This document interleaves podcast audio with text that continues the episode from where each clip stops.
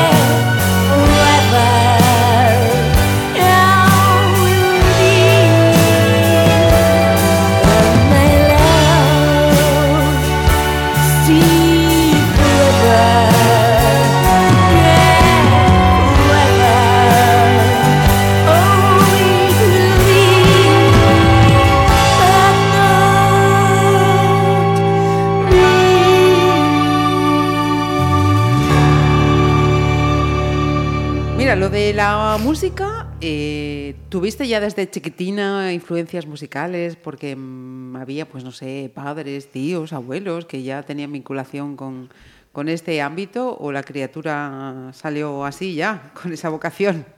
Eh, bueno, a ver, esto un poco eh, siempre fue por, como digo yo, por mi madre, porque ella es una melómana y, y bueno, ella, porque, bueno, pues claro, también, ah, eh, bueno, pues ahora uno también se puede dedicar un poco eh, eh, a, lo que, a lo que le gusta, ¿no? Lo que ama. Y en esa época pues era complicado, ¿no? Entonces mi mamá no pudo dedicarse a, pues eso, a, a cualquier disciplina artística, que es lo que le gusta, porque no solo le gusta la música, le gusta el baile, le gusta la pintura. Así que, bueno, un poco nos quiso llevar por esos derroteros, ¿no? Para que probásemos. Y como te- antes te dije, mi hermana, ¿no? Que es un año mayor, ella empezó con, con el piano, el conservatorio, con piano clásico. Así que luego me, me tocó a mí, ¿no? Ir al conservatorio, que, que se arranca con ocho años. Y yo decidí violín, porque yo lo veía en las, en las sinfónicas y el violín siempre llevaba la, la melodía, la, vo- la voz cantante. Entonces yo, yo quería destacar. Yo no quería llevar la- el acompañamiento, yo quería ser solista. Entonces yo decía, no, pues yo quiero el violín, que es un instrumento rey. Entonces ahí me metí con el violín y la verdad que yo ya muy temprano, así como otra gente, muchísima gente, que es, la música es muy sacrificada, el conservatorio es muy sacrificado. Porque imagínate, yo iba al colegio y luego eh, todos mis colegas se quedaban jugando, pero yo tenía que después de clases ir al conservatorio, ¿no? Y después de todas las clases, que llegas ahí reventado, que eres un crío, que eres una, una cría, muy niño, y yo llegaba a casa y tenía que hacer los deberes del cole, más estudiar los deberes del conservatorio, la dedicación al instrumento, ¿no? Es, es tediosa, sobre todo el violín, porque suena fatal, tardas mucho en sacarle sonido. Bueno, pero a pesar de todo ello, lo que quiero decir es que, es que yo supe mi, mi camino, ¿no? Ya a muy temprana edad, yo sabía que quería, que quería seguir con la carrera de conservatorio y, y luego ya más adelante, bueno, pues ya también me dediqué a, a la música moderna, que hoy es como estoy aquí, como Patricia Moon. Y, y en tu casa, en la casa de, de los Argüelles, eh, eh, la música que sonaba era la que ponía tu madre por esa afición, eh, se ponía la radio. ¿Qué, qué se escuchaba en esta casa? Pues en mi casa escuchaba de todo, ¿no? Desde Chopin, desde Beethoven, hasta los Beatles. Bueno, se- siempre se escuchó de todo. Y, y bueno, yo, es que yo creo que también, claro, yo creo que, que es muy importante, ¿no? El, el ámbito familiar, ¿no? Lo que, lo que se desarrolla en el ámbito familiar en cualquier disciplina y eso, eso te merma, ¿no? Y hace, hace mella en uno. Te voy a pedir un recuerdo, un momento así especial que recuerdes del colegio. Momento especial. Yo, la verdad, o sea, todos mis recuerdos que tengo son, eh, son buenos, ¿no? Pero pf, mm, no sé qué decirte. Yo el colegio, no, nunca, no, no recuerdo así como que yo le daba mucha importancia, ¿no? Iba al colegio, aprendía, y era como, pues, bueno, no deja de ser una cosa fácil, ¿no? En el colegio. Y entonces yo tengo como recuerdo con, con, el, con el violín, ¿no? Porque ahora lo veo muy natural, ¿no? Pero pues yo, si mi sobrina, por ejemplo, toca el violín y cuando veo, pues eso, alumnos que tengo así tocando el violín un poco, claro, uno, eh, claro, luego me recuerda a mí, ¿no? Y digo yo, Dios mío, qué, qué sacrificio sacarle sonido a ese instrumento. Eh, si miras para atrás, ¿no? Yo digo, Dios, ¿sabes? Yo me acuerdo estar estudiando a lo mejor ocho horas diarias violín, ¿sabes? Que era como, que era un queme en realidad, ¿no? Sí, sí. Entonces, bueno, lo que el- tengo muchos más recuerdos y pues eso, con, De la con- formación musical Sí, la formación. Claro. Bueno, y es natural, ¿no? Porque cuánto tiempo he estado en el colegio, cuánto tiempo he estado con, ¿sabes? Con, imagínate, la carrera de violín son 14 años. ¿Sabes? Y luego hice ópera. Entonces, Va- claro. vamos, a ir, vamos a ir poco a poco, que aquí hay, mu- hay mucho que contar. Eh, segunda selección, Patricia, ¿qué vamos a escuchar ahora? Mira, pues vamos a escuchar otro corte de del último disco y que hace además honor a, a- al, al disco. Y es- entonces esto se llama Rock and Love City. Welcome to the city of rock and love, of you and me,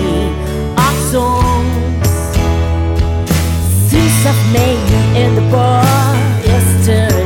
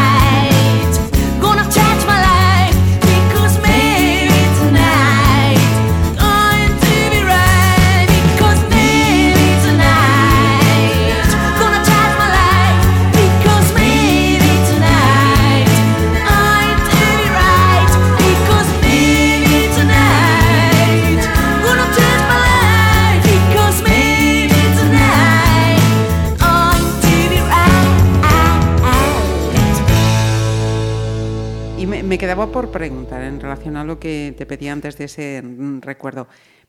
La primera vez que, que hiciste sonar un, un violín, ¿a qué, a qué te sonó? ¿Qué te pareció? Hombre, pues uno alucina, porque aparte cuando tú empiezas con el violín, no empiezas a estudiarlo ya con arco, ¿no? Eh, digamos que la mano izquierda, ¿no? que es la que digita, es la que hace la altura de las notas, eh, es lo primero que trabajas, ¿no? Claro, para sacarle la altura de las notas, del sonido, digamos. Y luego con la mano derecha es como que pellizcas la cuerda, que eso se, que eso se llama pizzicato. Que había un programa, ¿no? Me acuerdo, Sí, el A2 que lo llevaba Malikia, ¿no? Pizzicato creo que se llamaba. Un- bueno, pues viene por eso. Y un grupo, ¿no? Pizzicato 5, creo recordar. Sí, incluso. sí, bueno, pues eso viene por eso, ¿no? Pues la técnica, ¿no? De, de pellizcar eh, la cuerda, estirar la cuerda, que da pa, ¿no? Eh, entonces, claro, imagínate, pues estás un tiempo así, ¿no? Claro, vais a oír la mente, pues si no es muy complicado, no es mano derecha, mano izquierda, no te vuelves un poco, un poco loca. Entonces luego cuando, claro, cuando agarré ya el arco, imagínate, pues, seguro, seguro que sonaba fatal, seguro que sonaba rayos, pero yo flipaba, yo decía, ¡guau, esto es increíble! Me imagino. Claro, cada uno a su nivel, ¿me entiendes? Sí, Claro, sí, tú vas sí, llegando, vas poniéndote las metas, entonces, claro, es como que, wow. ¿Y, y lo de cantar, ¿eras una niña de las que se arrancaba a cantar en las reuniones familiares, de amigos, o eso vino después? No, no, no, no, no, no, no. No, eso, eso, vino, eso vino después. Eso vino mucho más tarde, porque no, yo no cantaba, la verdad. No, mi vida era ese momento era el violín, el piano, porque la carrera de violín tú tienes que hacer eh, seis años eh, obligatorios y pero complementario. Yo, en mi caso, como ya me flipaba el piano, yo ya quería ¿sabes? hacer mi música y tal. Entonces, un poco jugaba también con pequeñas composiciones que a lo mejor no sé si llegaron a algo o no llegaron a nada. Seguramente sí las retendría en mi subconsciente, ¿no? Y eso saldría luego, luego más tarde a la luz. Pero. Eh, ahí se me fue. ¿Qué me estás diciendo? Estábamos con el tema de, de arrancarse a cantar, me decías que Ah, no, que sí, sí, sí. No, entonces, claro, yo con el violín sí, con el piano, pero no, no, la verdad que con el, con el canto no. No, la verdad que no le daba, no le daba bola. O sea, fue, fue la verdad que en mi caso yo creo que fue, fue tardío. Sí, con la y, voz. Y hablando de, de tardío, con, con tantas horas mm, de dedicación a- al piano, al, al violín, ¿cómo era la Patricia adolescente? ¿Le daba tiempo de, de- de salir, de estar en la calle, de, de esas cosas de, ese momento o había que estar más centrada de lo que... No, la que- había que estar más centrada porque si quieres, si quieres pelear por algo y si quieres destacar en algo, no, no hay tiempo. La verdad que no. O sea, yo, yo me, me acuerdo. Yo, por ejemplo, me acuerdo perfectamente que yo cuando hacía, me acuerdo perfectamente, cuando hice tercero debut, por ejemplo, yo me acuerdo que no pisé, vamos, vamos, la noche ni la calle ni un fin de semana. Claro, porque estaba haciendo mi final de carrera también con violín. Entonces, claro, ¿qué pasa? Que en, en, en Europa, el resto del mundo, donde la cultura, ¿no? Pues sí que la tiran para arriba, pues eso ya está integrado, ¿no? Ya estás así. Bueno, ahora mismo ya hace años, ¿no? Que también está el bachillerato musical, pero bueno, yo cuando estaba, cuando era mi, mi momento, no, por desgracia. Entonces, claro, yo tenía que compaginar todo eso, instituto, más luego el conservatorio, lo que hablamos antes, igual que el colegio, pero bueno, esto se va, la, la dificultad va, va, va creciendo, ¿no? Tanto en, una- en- en el centro como en el instituto como el conservatorio. Así que si quería destacar no, no había tiempo para, para nada. Obviamente luego sí me lo pasé, me lo pasé increíble, ¿no? Eh, pero bueno, hay momentos en la vida que hay que centrarse y que, y que hay que elegir, ¿no? Te voy a preguntar por, por ese luego, ¿cómo, cuándo, ¿cuándo fue? Vamos a escuchar otra selección. ¿Con qué vamos a ahora? Pues mira, ahora vamos con un tema que se llama Libertad y que además este tema, bueno, yo en este último disco, eh, bueno, pues hay temas ya que los he hecho en castellano, que siempre, ¿no? Pues tanto como fans como gente de, prensa especializada me decían, pero ¿por qué no compones en castellano? Y la verdad que a mí me costó mucho una brecha conseguir que mi voz sonara igual en castellano que, que en inglés, como yo estaba acostumbrado en mi oído. Así que bueno, lo estuve trabajando en mogollón, la verdad que, que, que sí, que me costó bastante, pero lo, lo logré. Logré estar contenta, así que esto es libertad. Mundo paralelo despisto el reloj y en el umbral esperando al señor tiempo un trilero, un mago, un hipnotizador y si tiempo es oro hay cuartos que me cedería. No, no, y su tiempo solo hay cuartos de hora que no cedería por ningún tesoro.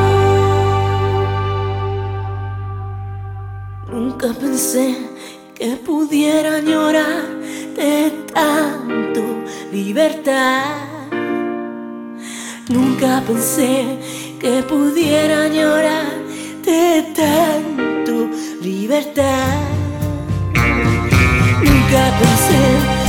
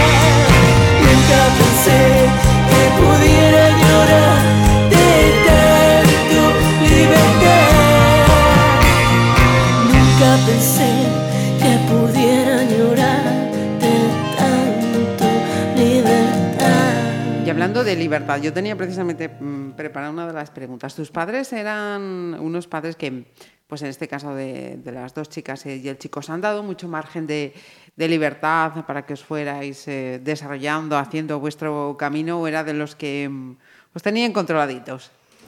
Eh, no, yo la verdad que, mira, yo me acuerdo perfectamente que cuando estaba eso estudiando, a veces me llegaba mi padre y me decía, pero deja de tocar, deja de estudiar, porque igual estaba tocando a la una de la mañana, ¿no? Y era como que, basta. Hasta aquí. Hasta aquí, ya, ponte a dormir.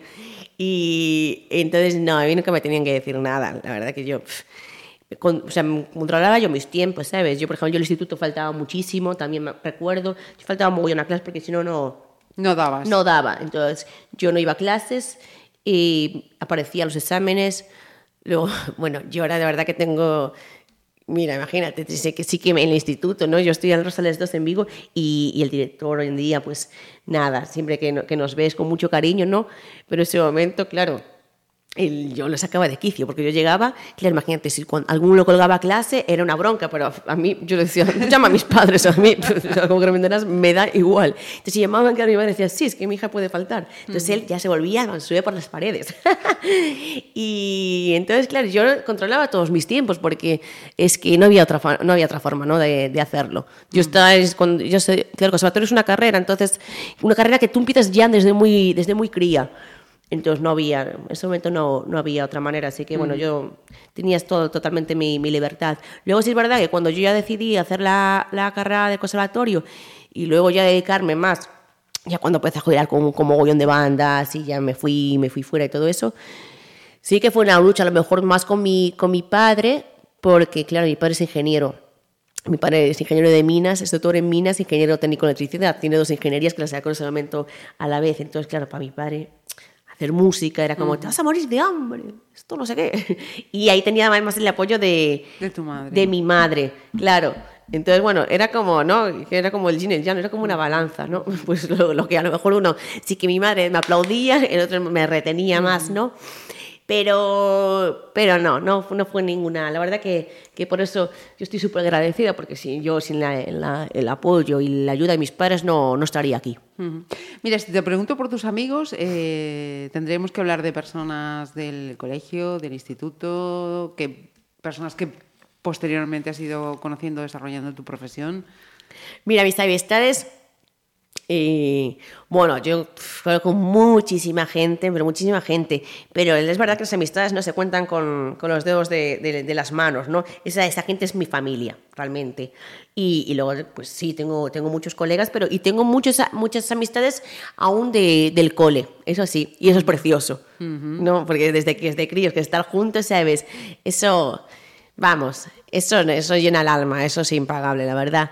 Y luego, y luego a lo largo de mi vida, pues he hecho, he hecho amistades. La parte que yo soy, soy una persona muy sociable, a mí me encanta conocer gente. Soy una persona súper abierta, súper extrovertida. Entonces, bueno, ¿sabes? Siempre que, que puedo hacer amistades, ¿sabes? Es que no lo, no lo dudo, ¿no? Entonces, eh, y, le- y me gustaría a lo mejor más mantener eh, la relación en el sentido de, pues con, con todos los viajes que, que he hecho, pues claro, a veces también es difícil por los tiempos, ¿no? De, de- de cada uno. Claro, imagínate estar ahí, pues con el WhatsApp, conseguir el Sky, no sé qué. Y, y eso a veces también me duele, ¿no? Decir, joder, tío, ¿sabes? Si pudiera mejor... Pero bueno, ¿sabes qué pasa? Que también yo creo que cuando hay muy buena masa y muy buen cemento, yo no, yo tengo colegas amigas y amigos, ¿no? Que a lo mejor eso, nos encontramos luego después de años en X sitio. Es como si no pasara el tiempo, ¿sabes? Tienes, tienes la, la, la misma sensación y eso, eso, es, eso es lo bonito. Mira, háblanos de Tren Fantasma. Pues mira, Tren Fantasma fue mi, mi, mi primera banda, que la había formado eh, Pelda, que nos mando un beso desde aquí, que era el, el bajista de Sinistro Total en ese momento. Así que fue así. La verdad que fue muy gracioso. Fue eh, un amigo mío, un, mira, hablando de esto, es uno de mis mejores amigos. Eh, Jacobo, San Claudio, que era mi baterista, em, pues él me había dicho, mira, hay una banda que te, que te quiero llevar a ver, nueva, que vas a flipar, porque es tu estilo, es así como muy Tom Waits, eh, de ese palo, y te va a encantar. Así que me acuerdo que habíamos ido a la casa de arriba en Vigo, eh, los vi, flipé, la verdad que me encantó. O sea, me dio un viaje por el cerebro porque aparte era... Sí, eh, claro, él me conoce, entonces era como, Dios, es mi onda, ¿sabes? Está buenísimo. Entonces, eh, nada, cuando terminé de tocar yo me acerqué a Pelda y le dije, tío, ¿no queréis un violín para este grupo? y dijo, bienvenida. Y ahí, ahí arranqué con, con Tres Fantasmas y la verdad que fue, fue espectacular porque yo aprendí mogollón. Imagínate que, que, a ver, ya el violín es un instrumento que ahora mismo ya está más integrado, ya hay mogollón de bandas como Tuchelos, como ahora Malikia, ¿no? Pero en ese momento no había, o sea, yo no tenía muchas referencias. Yo me tuve que reinventar mi papel, o sea, dentro de un grupo y lo que hacía, pues, era eso, invitar guitarras o lo que fuese, ¿no? Pues a lo mejor con todo, con todo el equilibrio y desequilibrio mental que, que tengo y que tenía, pues imagínate metiendo ahí mis movidas y mis rollos y, y- y fue increíble, ¿no? Yo creo que, aparte, agradezco, ¿sabes? Creo que es mucho mejor haberme inventado que haber tenido las referencias. Ahora sí puedo tener referencias porque hay mucho donde, donde, donde elegir donde plasmar, pero en ese momento no, ¿sabes? Casi no había, estaba apocalíptica y, y poco más. Así que la verdad que fue un aprendizaje increíble para mí. ¿Eso fue en el año? Pues, mira, no lo recuerdo, no te lo puedo decir.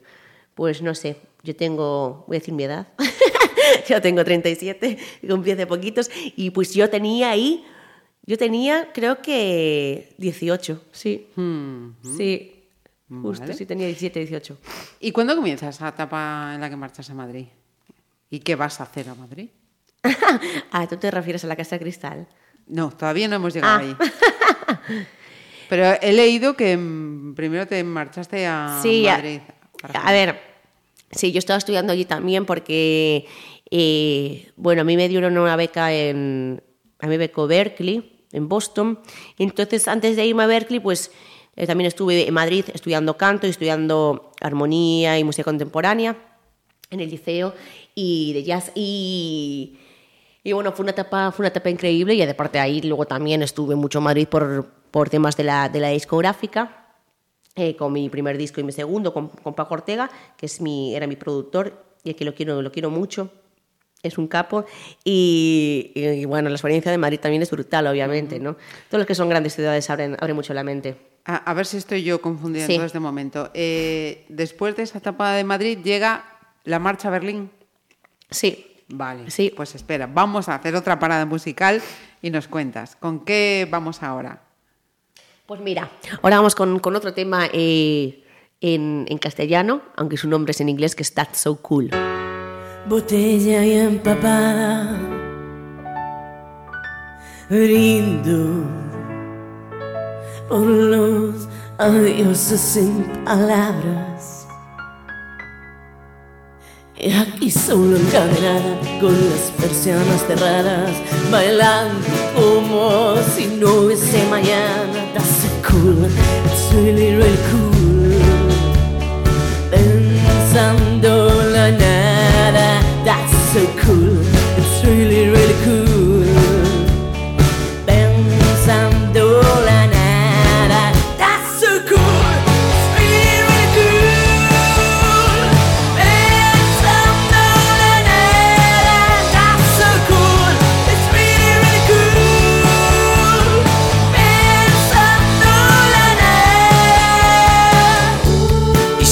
día en mi copa.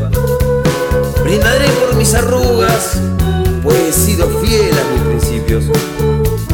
Olvidando mis prejuicios y saliendo victorioso. Pues jamás hiberné, haciendo frente a los fatídicos hostiles inviernos. Y orgulloso de mis penas y alegrías. Me voy con ellas, tatuadas en el alma. Y ya ando bien claro, con los ojos como claros. Y si tú no estás, ¿de qué me sirve la cama? Ya en el blanco dando con pajita en la mano. Vamos que tira ya pa' casa. Los de arriba dirigentes, asfixiando la clase más perdiente. Pero a mí, que no me quiten el manteque. That's so cool,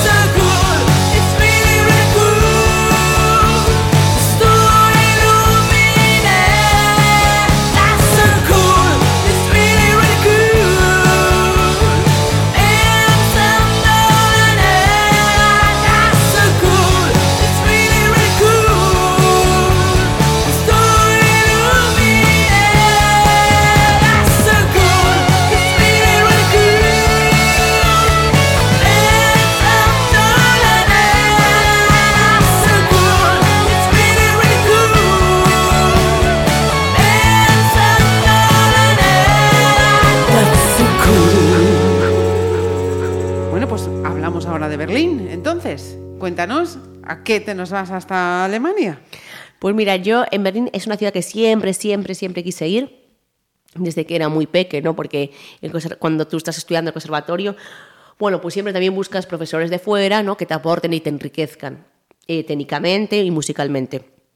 eh, con la interpretación y eso. Entonces, bueno, pues en el momento sí que había dos destinos que eran muy potentes y que creo que siguen siendo, que son ahora Londres, ahora, ahora, ahora Berlín. Entonces a mí me molaba mucho. Yo había estado ya en Londres, pero yo en Berlín, pues en ese momento, y bueno, ahora ellas menos, ¿no? Pero siempre, siempre tuvo el rollo, ¿no? De ser así como muy pionero eh, en todo. Entonces yo quería ir a Berlín. Entonces me acuerdo que además aproveché, porque a mí me flipaba lo de el, el Love Parade, ¿no? Con la música así electrónica. Y me acuerdo que era, que era el último año que se hacía el Love Parade, que lo habían anunciado, y dije yo, Allá esta es la mía. voy a matar dos pájaros un tiro.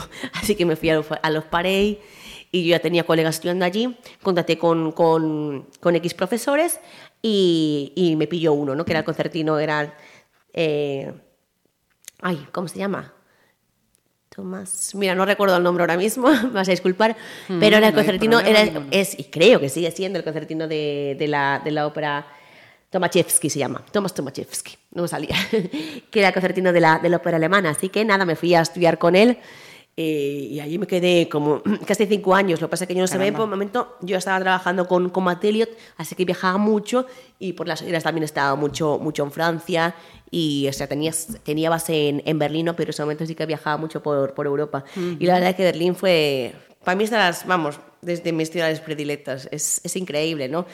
Todo el artisteo que hay, todo, todo lo es súper enriquecedor y aparte era súper barato. Ahora no es tan barato, pero sigue siendo barato comparado con otras ciudades ¿no? Eh, europeas y Europeas. y, capitales, ¿no? Ajá. Pero claro, a ti cuando estás allí no te sorprende nada que haya tanta gente, gente ¿sabes? tanta gente artista que renueven todo eso, porque, porque cuando la cultura no es para el pueblo y es barato, tú puedes crear, ¿no? Entonces, claro, pf, ahí era un movimiento cultural, ¿sabes? Tremendo. Entonces Claro. tú yo me empapaba mogollón, ¿sabes? De, de, de todas las disciplinas. Entonces era, un- era un vuelo de cabeza, la verdad que fue, fue brutal.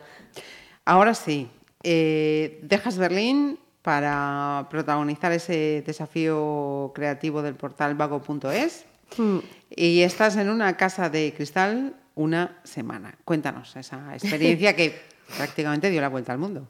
Sí, a ver, eso fue un poco locura, porque, claro, es que yo entiendo que suena. A ver, contándolo así, ¿no? Como siempre hemos contado, porque claro, es una locura, pero date cuenta. A ver, para mí también fue, fue un flash, ¿no? Pero date cuenta que yo estuve un año eh, haciendo castings con, con, con estas empresas, ¿no? Entonces, ellos me pagaban un vuelo, porque era así, era como que tú puedes estar mañana en Madrid y yo, "Pff, bueno, sí, ¿por qué no? Decían, bueno, pues venga, ya, te cogemos un vuelo, mañana estás aquí. Y yo, bueno, vale. Allá voy. Allá voy. Entonces, nada, viví en Madrid, volví a hacer un casting eh, y era bueno, era, era genial porque era todo como a todo lujo, a todo trapo, ¿no? Entonces era un momento así que de dispersión en mi mente, de salir de Berlín y, y estaba guachi. De paso aprovechaba, me iba a Galicia, visitaba- veía a mi familia y regresaba. Y así estuve como, como un año, Ajá. ¿sabes? Haciendo un mogollón de casting. Entonces, claro, ¿por qué? Porque, claro, iba pasando fases, porque esto era un casting que hacían de mogollón de, de artistas, de, claro, de España y de fuera. Ajá. Entonces, claro, iban haciendo como una criba, ¿no? Yo entiendo que es como una criba todo esto. Hasta que al final, pues, eh, decidieron que, que lo hacía yo. Eh, hasta que, claro, hasta que me vi de repente viendo la casa que, de- estaba, que estaba en una nave, ¿no? Y veo la casa, mira, es todo esto, no sé qué. Y yo, Dios. ¿Dónde me meto? ¿Dónde me he metido? Acabo de decir que sí. Y ahí, claro, ahí sí, ahí sí que fue como, a ver, para, ¿sabes? Esto es una cosa de locos. Lo que pasa es que también ellos tampoco sabían que iba a cómo iba a salir, porque esto lo plantaba en la puerta de Alcalá. Nosotros teníamos eh, exclusividad con el Times de Londres, con el, tel- el telediario de televisión española y con el periódico, creo que era ADN, en ese momento, que ya eran, claro, ya eran, ya eran eh, tres medios muy importantes y muy fuertes, ¿no? Pero a, raíz, a partir de eso, ¿no? Nosotros no, no, no sabíamos cómo, iba- claro, es que no sabíamos, podía ser o nada o reventar. todo. Y fue el todo, porque al día siguiente era como, ¿sabes? Era como, imagínate, todas las cadenas de los políticos de todo el mundo ahí, ¿sabes? Entonces era como... Claro, hombre, eh, una- un cubo de cristal, pa- para aquellos que todavía no estéis situados, un cubo de cristal en la puerta de Alcalá y dentro una chica que está viviendo, normal, haciendo su día, sus Hmm. composiciones, pues, hombre, Claro. A ver, pero claro, vamos a explicarlo bien, ¿no? Lo que yo tenía que hacer era, sí, tenía, había, me habían programado unos horarios porque si no te vuelves loco, ¿no? Obviamente, y, y obviamente el baño estaba tapado. claro, entonces era, era, era íntimo. Lo que tenía que hacer es componer un tema y cada día lo iba mostrando a la prensa. Sí. Entonces yo tenía unos horarios de, de prensa, ¿no? Tanto para entrevistas como para ese tema, pues desarrollarlo y ir mostrando lo que, lo que iba componiendo. Yo tenía allí también un teclado, el violín y eh, se- eh, en- bueno, se basaba, se basaba en eso, en la composición.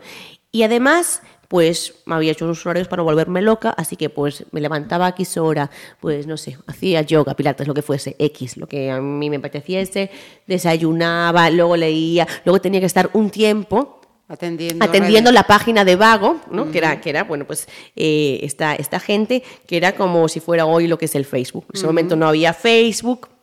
Así que bueno, empezaban las redes fuertes, ¿no? Y pues yo creo que uno que se peleaban por el, el primer puesto, ¿no? Supo- bueno, no me acuerdo, supongo que estaría Facebook, pero no se llevaba, no estaba de moda, no digamos. Entonces, claro, la gente que quería contactar conmigo, pues tenía que hacerlo a raíz de Vago, así que como hacerse...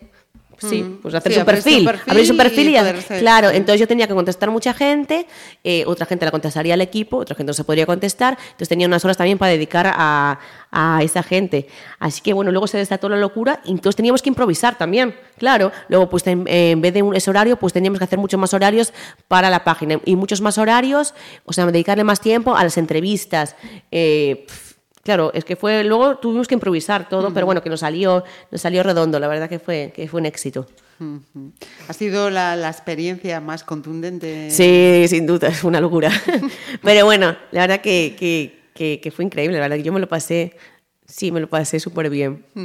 Enlazaremos un, un vídeo para que, que podáis eh, recordar o ver esas imágenes si todavía no las habéis visto.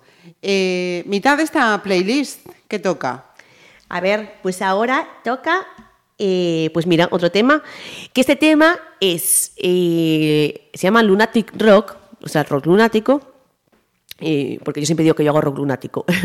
y este tema, pues mira, es un tema que venimos, a- venimos hablando ¿no? de los temas en castellano, así que este tema es medio en castellano, medio en inglés, ¿no? Y es una influencia que, que yo creo que, que me inspiró mucho Miami, mi estancia en Miami, porque a mí me molaba mogollón el rollo también ese de decir, jolín, ¿por qué no se compone en castellano, en castellano en inglés? Y como allí se llama mogollón, pues mira, pues este tema pues lo hice, lo hice así. I always remember when we met. You listen to my song. This is my life. And then I thought, I like this guy. I'm always remembering you for the good times. You look so cool. You look so nice. You look so good. You look so smart. Look at the shiny moon. There's just one made I can in your life. Say goodbye. And even if you don't want me, thanks for this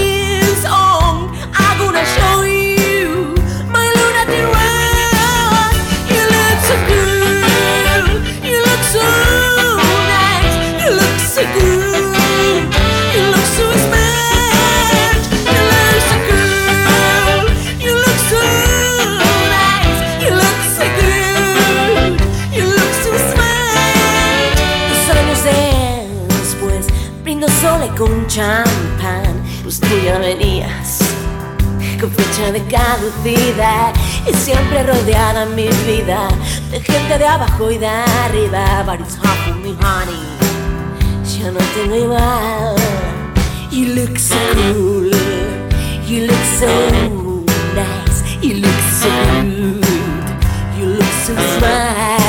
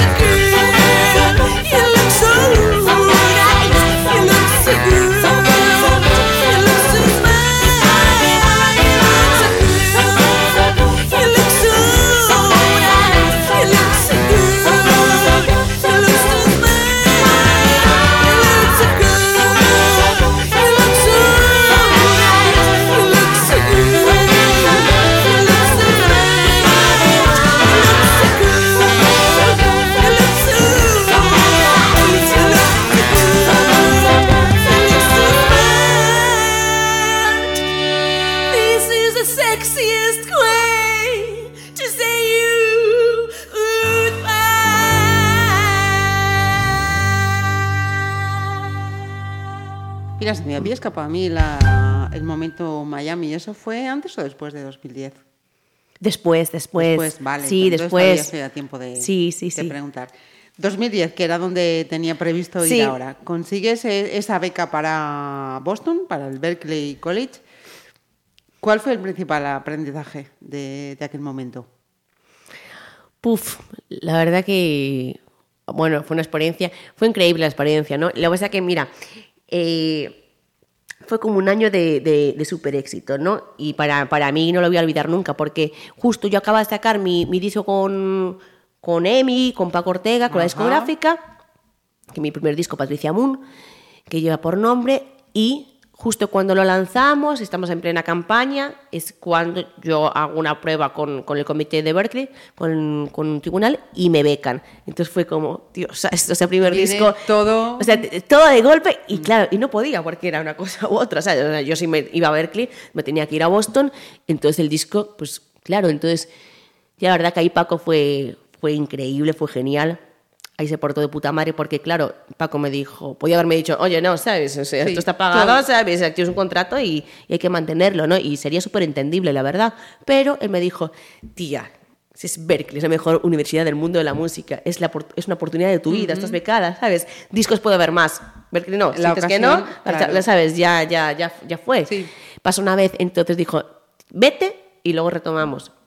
Así que fue, vale, pues ya está, ¿sabes? así, que, así que me fui y, y la experiencia fue, la verdad que fue, fue bestial. Imagínate que yo, por ejemplo, cuando llegué tuve la oportunidad de que me diese clase el arreglista de, de James Brown, que se jubilaba. Así que yo pedí a- a- al comité de arreglos, ¿no? Eh, estancia, le- pidiéndole, ¿no? Que por favor, que yo sabía que se jubilaba, que yo venía de fuera becada y que era una ilusión tremenda para mí, si podía, claro, porque allí te destinan en clases, ¿no? Entonces él no me, no me había tocado, ¿no? Entonces yo le pedí, porque por favor, si podía cambiar de clase. Y, eh, y él, sí, él me recibió. ¿sabes? Y bueno, todos, todos los profesores son como megatops, que no tiene que ver, porque tú puedes ser un megatop, ¿sabes? Puedes ser un monstruo del escenario, de, de- del instrumento, de la voz, de lo que sea. A lo mejor como pedagogo no, no vale, ¿sabes? O, o porque no te gusta, o porque... Sí, tu sabes- capacidad no está enfocada Claro, exactamente, ¿no? Pero en este caso, por lo menos en mi experiencia, sí, todos. Todos, todos estaban en activo. eh, es que allí está, es que es, es la, es, es elite, ¿sabes? Es la elite. Entonces, eso fue, fue brutal, la verdad, todo lo que aprendí. O sea, llega eh, ese tren, que las circunstancias te permiten cogerlo, sacas ese primer eh, disco y es cuando ya te presentas como Patricia Moon. Y, y Sí. lo, lo de Moon, ¿qué, ¿qué tienes tú con la luna? Vamos a ver. Yo, que soy lunática.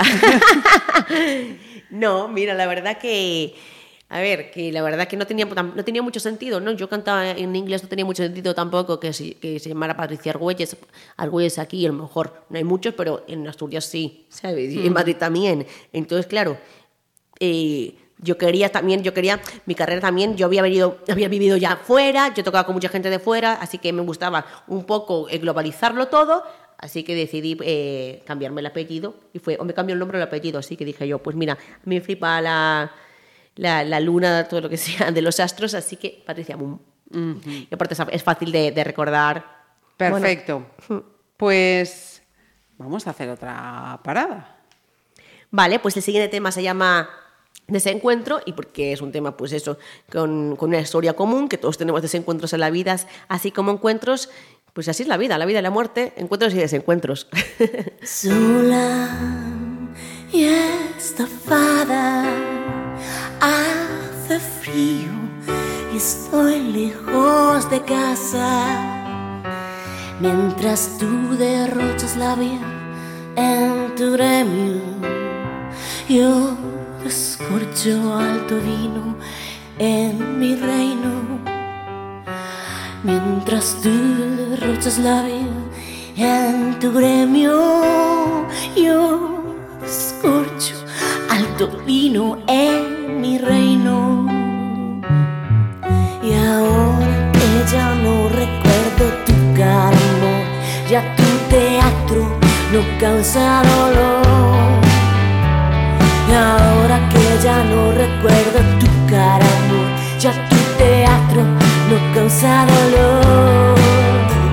Y ahora me dirijo al mercado, amor, voy a subastar mi corazón. Dirijo al mercado, amor, voy a subastar mi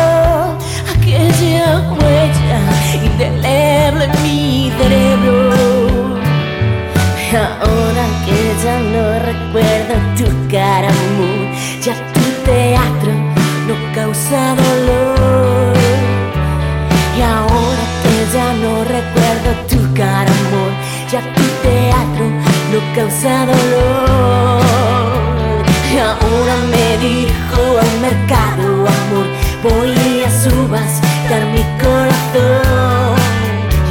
Y ahora me dirijo al mercado,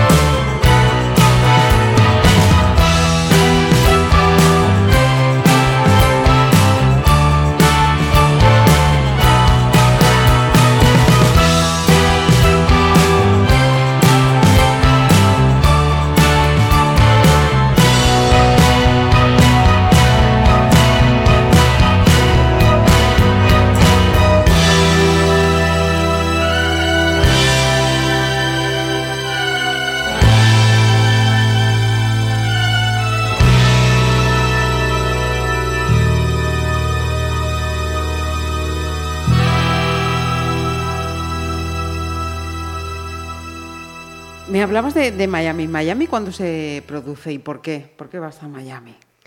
A ver, Miami, ¿por qué voy? Bueno, porque yo ya había vuelto de, de Boston. Cuando volví de Boston sí que retomé y saqué mi segundo disco. Claro, porque el- yo ya no podía, yo no puedes, cuando ya corté el primero ya no podía retomar, no tenía ningún sentido, ¿no? Ya estaba, es como, tiene fecha de caducidad todo. Entonces, nada, puse como loca, hago poner, saqué mi segundo disco, eh, trabajé en ello, pero yo siempre tuve la necesidad de marchar. ¿Por qué? Porque a mí me encanta viajar, abrir miras, ¿sabes? Y culturizarme, aprender. Entonces, bueno, y aparte que en eh, España siempre un poco, para mí estaba, para mí es así, estaba como a la cola, ¿no? De tendencias, de lo que es la, la cultura musical, ¿no? Pues para, para todo lo que son los artistas. Entonces, yo tenía ese- esa necesidad.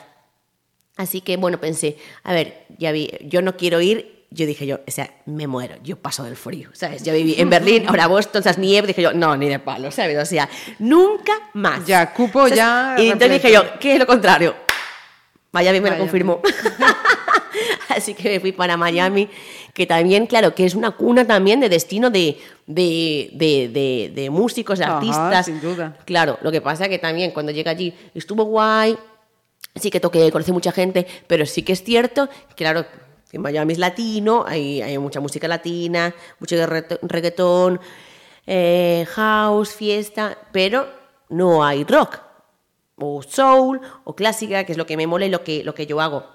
Así que también tenía una fecha de caducidad, ¿no? Y entonces nada, ese destino ya descartado.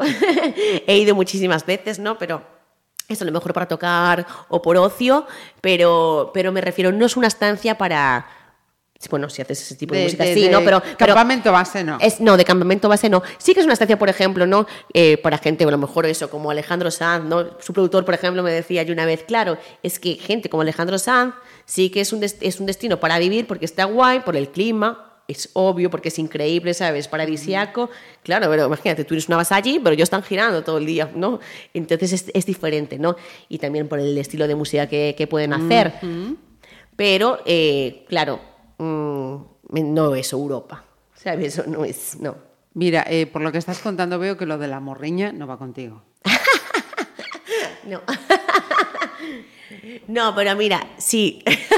A ver, no, sí. No, no, no. Yo nunca hacer, yo cuando me estaba fuera yo decía, paso, yo no quiero ni volver, ¿para qué? Pero uno también cuando se va haciendo un poco, un poco más mayor sí que tiene, sí que, sí que existe la morriña. Y yo ya, mi última temporada cuando estaba en Buenos Aires, sí que ya necesitaba como regresar, regresar a casa y también estar más en contacto con mi familia eh, con, mi- con mis amigas, con mis amigos y hacer base. Así que yo ahora estoy muy feliz de volver a hacer, hacer base aquí. Mm. Una pregunta profesional y otra personal Mm. antes de ir a la siguiente selección. Eh, ¿Cuántos tatuajes llevas? Muchos. Es que son también muchos peques, frases, así que, pero no sabría decirte, yo qué sé, pues, no sé, 15. Ujú. ¿Las frases eh, son letras tuyas? Son, ¿qué, qué son? Eh, sí, por ejemplo, una frase que tengo aquí eh, es, de, es una frase de, de una canción mía de mi, de mi segundo disco, el disco de Sweet Toasting, y es una frase de una canción de un tema que se llama This is my life y que dice que, que la vida es el mejor escenario donde, donde he actuado realmente. Ajá.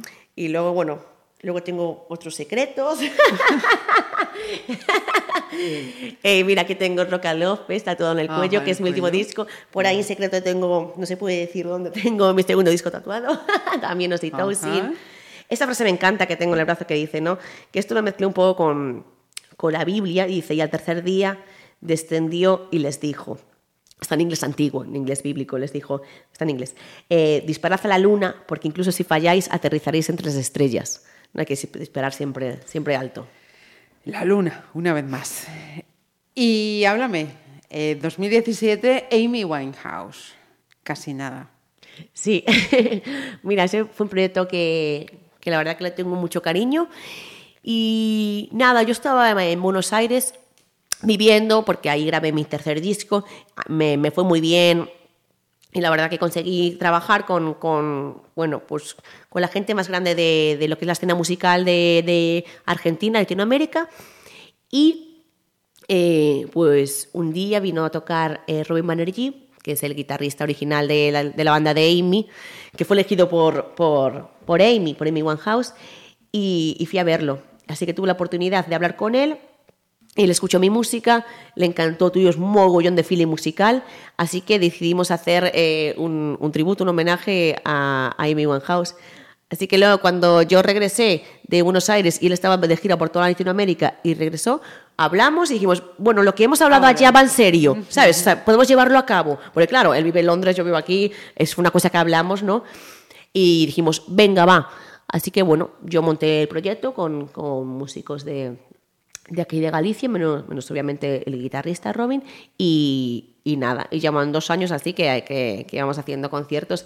Claro, imagínate, los hacemos de vez en cuando, es decir, cuando la agenda lo permite, ¿no? Porque yo tengo mi agenda, los músicos todos, es, bueno, es un proyecto que es un homenaje, ¿no? Yo tengo mi, mi, mi carrera y mi música, ¿no? No voy a, claro. no, no- no voy a estar, eh, no es perder el tiempo, pero no voy a estar eh, invirtiendo tiempo, ¿no? En una cosa que ya está la, la genia de Amy Winehouse, ¿no? Indiscutible, eh, en ello. Pero sí que es un proyecto con mucho cariño y que me da la baza, ¿no? De trabajar con, ¿sabes? Con gente Con tan grande. como estos. Con- claro, y además a raíz de eso, pues ahora también estoy empezando que ya, bueno, no, lo- no puedo adelantarlo, pero otro proyecto con, también con el, con el teclista, con Shanton Black, de Amy Winehouse, que también era teclista de, de Mark Ronson. Así que, bueno, Mm. voy llevándolos a mi terreno. Se van acercando. sí. O sea, El influjo de la luna, el influjo de la luna. Patricia, ¿qué escuchamos ahora? Ahora vamos a escuchar eh, Just For You, que es solo para ti, que es un tema que, que le dediqué a, a mi abuelita, que paz descanse, porque... eh, ay, voy a ponerme así. Violín de fondo. No, hago una broma porque no... Es un tema que, que no me gusta hablar mucho, pero eh, yo vi cuando estaba viviendo en, Bu- en Buenos Aires, mi abuela falleció, no tuve la, la- la oportunidad de despedirme de ella, tampoco me lo quisieron decir, porque no tenía sentido, estaba súper lejos, era como... Iba a viajar ya, imagínate, dos semanas después, así que nada, cuando llegué me dieron noticia, así que bueno, fue un, un homenaje porque homenaje. una forma de, de despedirme. Don't let me down, I also young. Went back to church, look back at nine. Behind the sun, behind the stars, can't see your light. It's only you who the dreams become true. Love.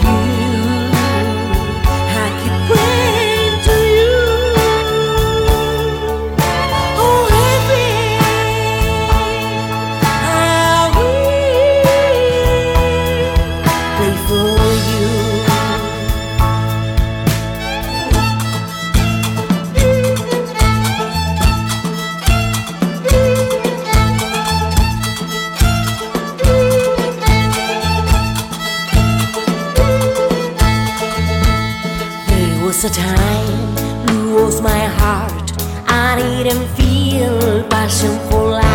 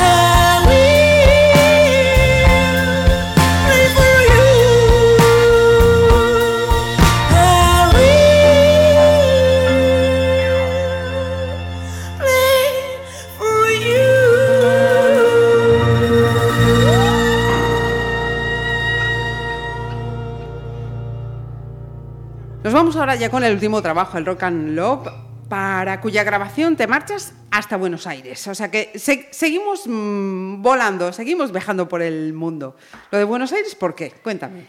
Pues mira, esto eh, me surgió a raíz de una gira que, que hice con, con Álvaro Torcink, eh, que es un DJ de, de Lugo, que hace electrónica. Entonces, bueno, él siempre también me, me- me pedía que, bueno, hacer una colaboración, que hiciéramos un proyecto conjunto, ¿no? Pues él con, eso, con, con su música y, y yo con el violín. Quería que introdujese el, el violín, ¿no? En, en su música. Pero bueno, yo estaba siempre también muy liada y para cuadrar a gente era, era un poco complicado. Pero cuando me ofreció lo de Buenos Aires dije yo, ahí vamos a hacer un esfuerzo. Porque claro, como ya os dije antes, todo lo que sea viajar, No le gusta nada. claro. Entonces nada, eh, me fui con él y la gira eso pues era todo lo que fue la zona de Buenos Aires. Luego también fuimos a, a- a tocar a Montevideo, cruzamos, que la verdad que fue, fue genial, moló mogollón.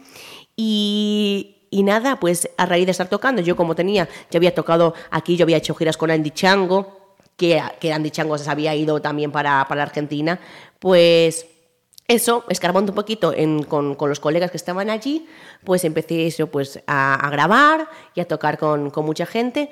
Así que, así que bueno, luego me, me surgió la, la posibilidad de hacer mi tercer disco y dije yo, bueno, ¿por qué no?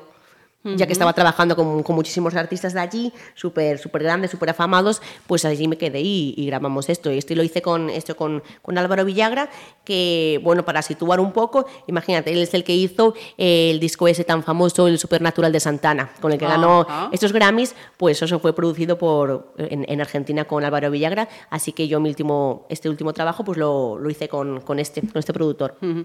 Otra de las novedades nada más que incorporas, lo habías comentado al, al comienzo de esta charla, es esa introducción de las letras en, en español, ¿no? Sí. Eh, fue por... Lo habías explicado antes, Sí. pero, pero tenía previsto eso. ¿Te- ¿Tú te sientes más cómoda cantando en inglés? Eh, ¿Pesa ahí también la cuestión de, de marketing, del mercado internacional? Eh, a ver, ahora me siento cómoda a lo mejor, ahora que después de haberlo trabajado, también me siento cómoda en castellano. ¿Qué pasa? ¿Por qué yo cantaba en inglés? Es muy fácil, porque mira, yo, como comenté bien antes en el conservatorio, la, la mayoría de la música de clásica, occidental, eh, es instrumental.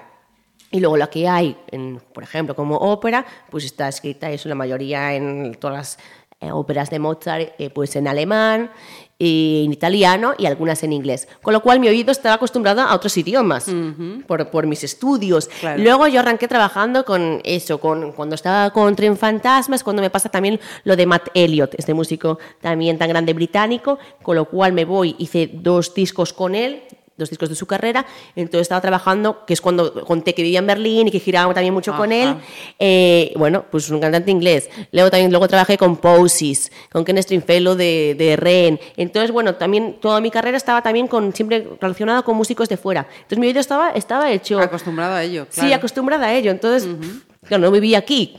Eh, estaba todo el día escuchando también música, música de, de allá. Así que, bueno, pues. Lo pedía. Fue, lo pedía, o sea, fue como algo natural, ¿no? Que, que, compuses- que compusiese en inglés. Y luego también, claro, obviamente estaba también la baza de que, como dije antes, a mí me gustaba mucho estar fuera. Entonces, bueno, el mercado que yo quería copar también era, era el de fuera, ¿no? Eh, bueno, y luego, cuando ya pensé, a ver, tengo que hacer algo en castellano, porque yo soy de aquí también, ¿no? O sea, tiene sentido, ¿no? Y como me lo pedían, dije yo, venga, Vamos voy a, a trabajarlo. Pero lo que comenté antes, me costó, me costó mogollón porque yo veía que cuando lo hacían algunos cantantes como que había mogollón de diferencia, ¿no? Por, por- por- simplemente por los fonemas. Y yo quería sonar igual. O bueno, a ver, igual no se puede sonar, pero lo más parecido posible. Así que bueno, eso me lo trabajé, ¿sabes? Para que los colores de mi voz, con los fonemas diferentes que hay en castellano e inglés, fueran muy similares. Y, y cuando lo conseguí, es cuando dije yo, venga, ya, ya estoy, ya estoy ready, ya está listo. Así que venga, fuera del horno. También eh, llama la atención eh, ese formato que has elegido para, para este disco, ¿no? Esa tarjeta de Sí, USB. USB. Sí, a sí. ver, imagínate, los coches ya no tienen disquera, ¿sabes? Tú no- casi, o sea, un coche que ya hace años ya no tienen, ¿sabes?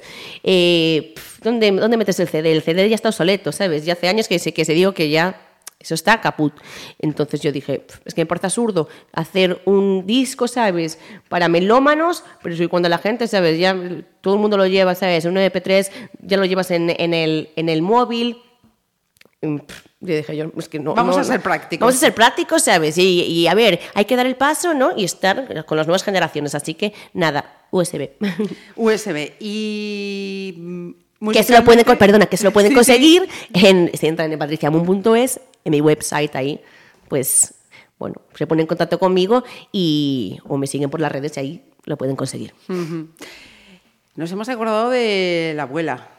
Eh, ahora creo que también toca. Sí, otra pues mujer. mira, seguimos con homenajes. Mira, cuadrado así, por inercia. Pero sí, este, esta canción que vamos a escuchar ahora se llama Mam y la compuse para mi madre. Como bien dije antes, pues yo le debo mucho a mi carrera a mi, a mi madre, pero también a mi padre. Así que bueno, lleva el nombre de mi madre, pero en realidad es para los dos.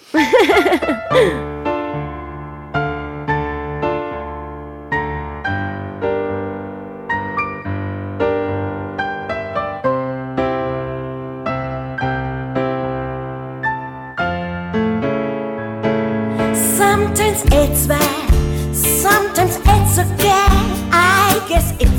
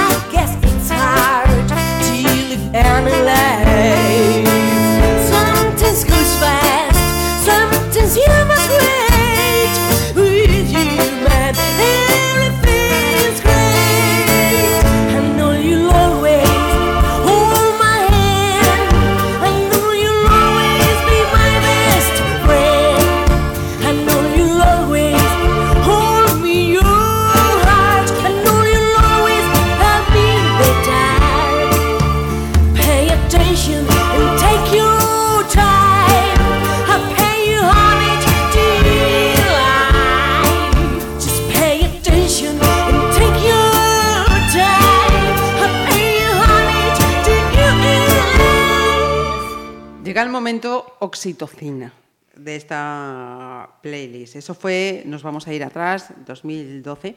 Eh, la oxitocina, mm, no, no la sintética, pero a la natural la llaman la, la hormona del amor. Sí. Así que aprovecho para algunas eh, preguntas de, de carácter personal. ¿Te has enamorado muchas veces? A ver, yo soy muy enamoradiza. Pero así como me enamoro, me desenamoro. Bueno, eso también es una virtud, ¿eh? Claro, Cuidado, claro. cuidado. Bueno, por eso las oxitocina es lo que se segregamos, segre- segregamos cuando nos enamoramos, así que es un tema que dije yo, hay que hacerle un homenaje también, ¿no? Hay que hacerle un tema. Sí, así señor. que ahí va. ¿Y cuál es el estado sentimental actual de Patricia? Pues mira, ahora estoy soltera, así que alguien quiere estar conmigo, que va. No, yo estoy muy feliz, ahora mismo estoy muy bien, estoy súper centrada y, a ver, yo creo que, que- que cuando uno está bien está abierto y abierta a todo, ¿no? Pero ahora mismo estoy súper cómoda, ¿sabes? Con, con mi vida, con mi hijo perro Mozi, que lo subo mucho a mis redes en las fotos y estoy súper centrada, así que, bueno, si tiene que venir, viene, pero, pero estoy muy bien así, la verdad, no he hecho nada de menos, nada. También la oxitocina he leído que mm, co- controla la, la confianza, la, la empatía, el miedo, así que mm, ¿eres una persona confiada o desconfiada? Soy una persona confiada. Yo creo que también, a ver, la vida también te va haciendo desconfiada por, por experiencias negativas, pero es que las experiencias negativas forman parte de, de la vida, ¿no? Entonces, no hay que tener miedo. Yo no tengo, no tengo miedo a casi nada. Menos, bueno, a la muerte, pero solo a eso. ¿Empática? Sí, sí, sí, lo soy mucho. Eh, ¿Temerosa, indecisa o lanzada? No, yo soy muy lanzada. sí. Sí, por lo que nos estás contando, vamos, no quedaba ninguna duda. Hombre, mira, eh, la vida es un soplo, vivimos una vez, ¿sabes? Y hay que, hay que siempre, yo creo que hay que ir al frente. Ajá. Pues yo creo que ahora lo que podíamos hacer es ir a, a Oxitocina, ¿no? Claro, pues vamos a escuchar el tema de Oxytocin, que eso fue el, el single de mi segundo disco, que también lleva por título, pues, Oxytocin. Ahí va. Everyone's looking for love, looking for love, yeah, looking for love. Everybody wants to have sex, wants to have sex, wants to have sex. Everyone's looking for love, looking for love, yeah, looking for love. Everybody wants to have sex, wants to have sex, wants to have sex. La la da, la la da da da, la la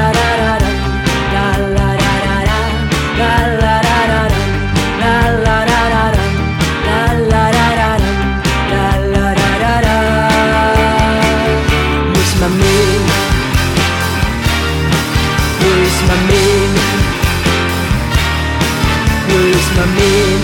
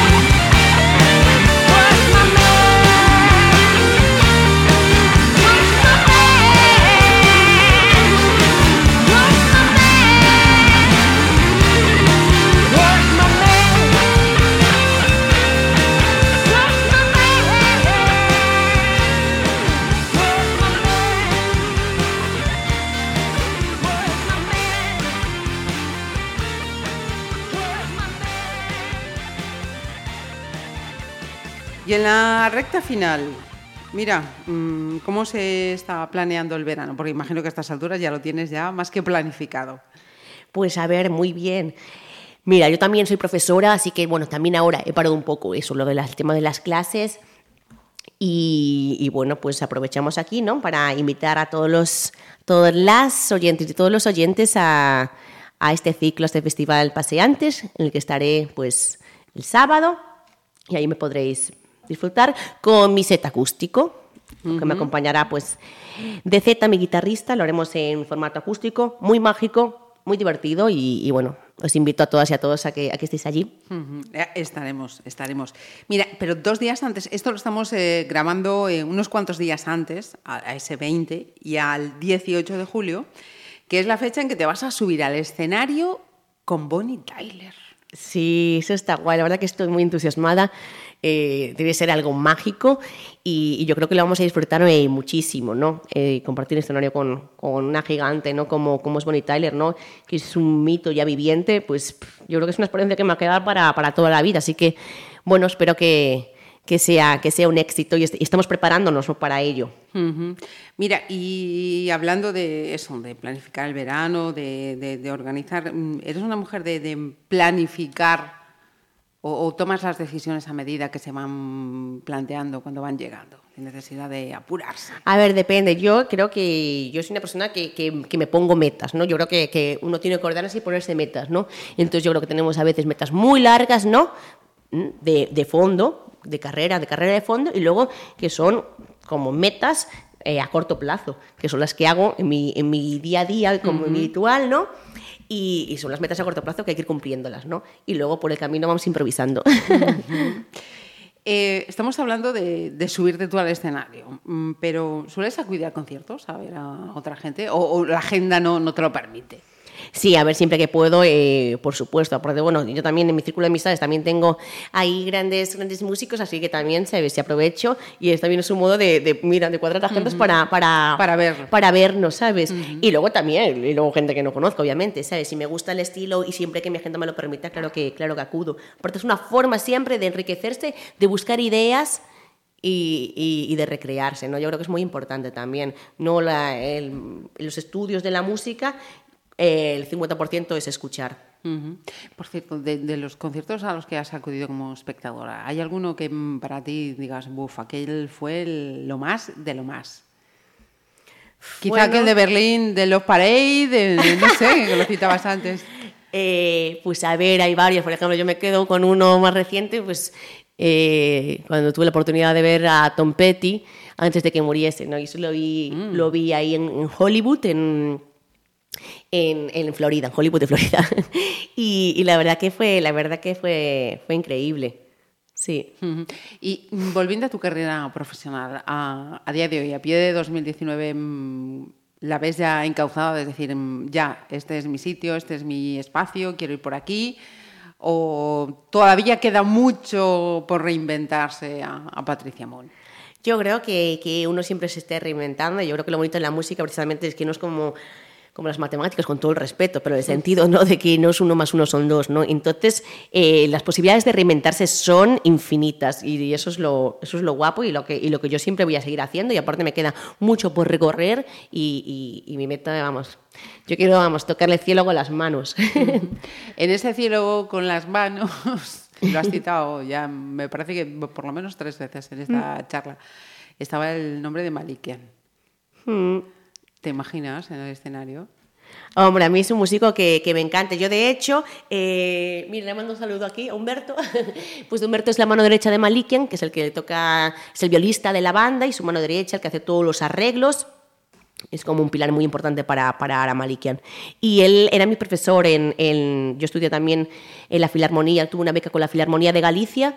Eh, cuando estaba acabando mi, mi carrera en el Conservatorio en Vigo, y él era mi- uno de mis profesores que me dio clase de, de música de cámara. Y, y nos hemos encontrado en Buenos Aires, cuando estaban ellos de gira, yo estaba viviendo allí, entonces estuve con ellos también, y ahora también retomamos el contacto, y, aparte él era músico de la Filarmonía, ¿no? Y luego es cuando eh, empezó su carrera con Ara Malikian, dejó la Filarmonía, y, y nos encontramos. Así que, bueno, la verdad que, que- que es increíble, ¿no? Ahora tener el, el contacto, ¿no? Y, y poder saber cosas así que me cuente. Y claro que me veo, ¿no? Yo, lo que pasa es que, claro, eh, Ara Malikian tiene una carrera, ¿no? Que es diferente a la mía. En Sí, sentido, sí, él sí. es, la suya es instrumental, ¿no? Y yo, a pesar de que sí que hago muchas canciones instrumentales, ¿no?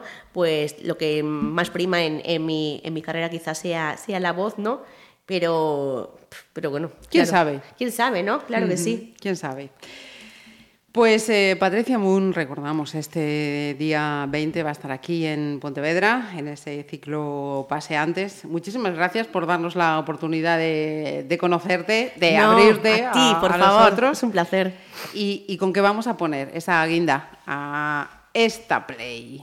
Bueno, pues mira, vamos a cerrar con un tema de, de mi segundo, del segundo disco, el segundo trabajo, que, que como digo yo, a veces en la vida lo único que nos queda es aullar y esto es All That's Left For You is to Howl.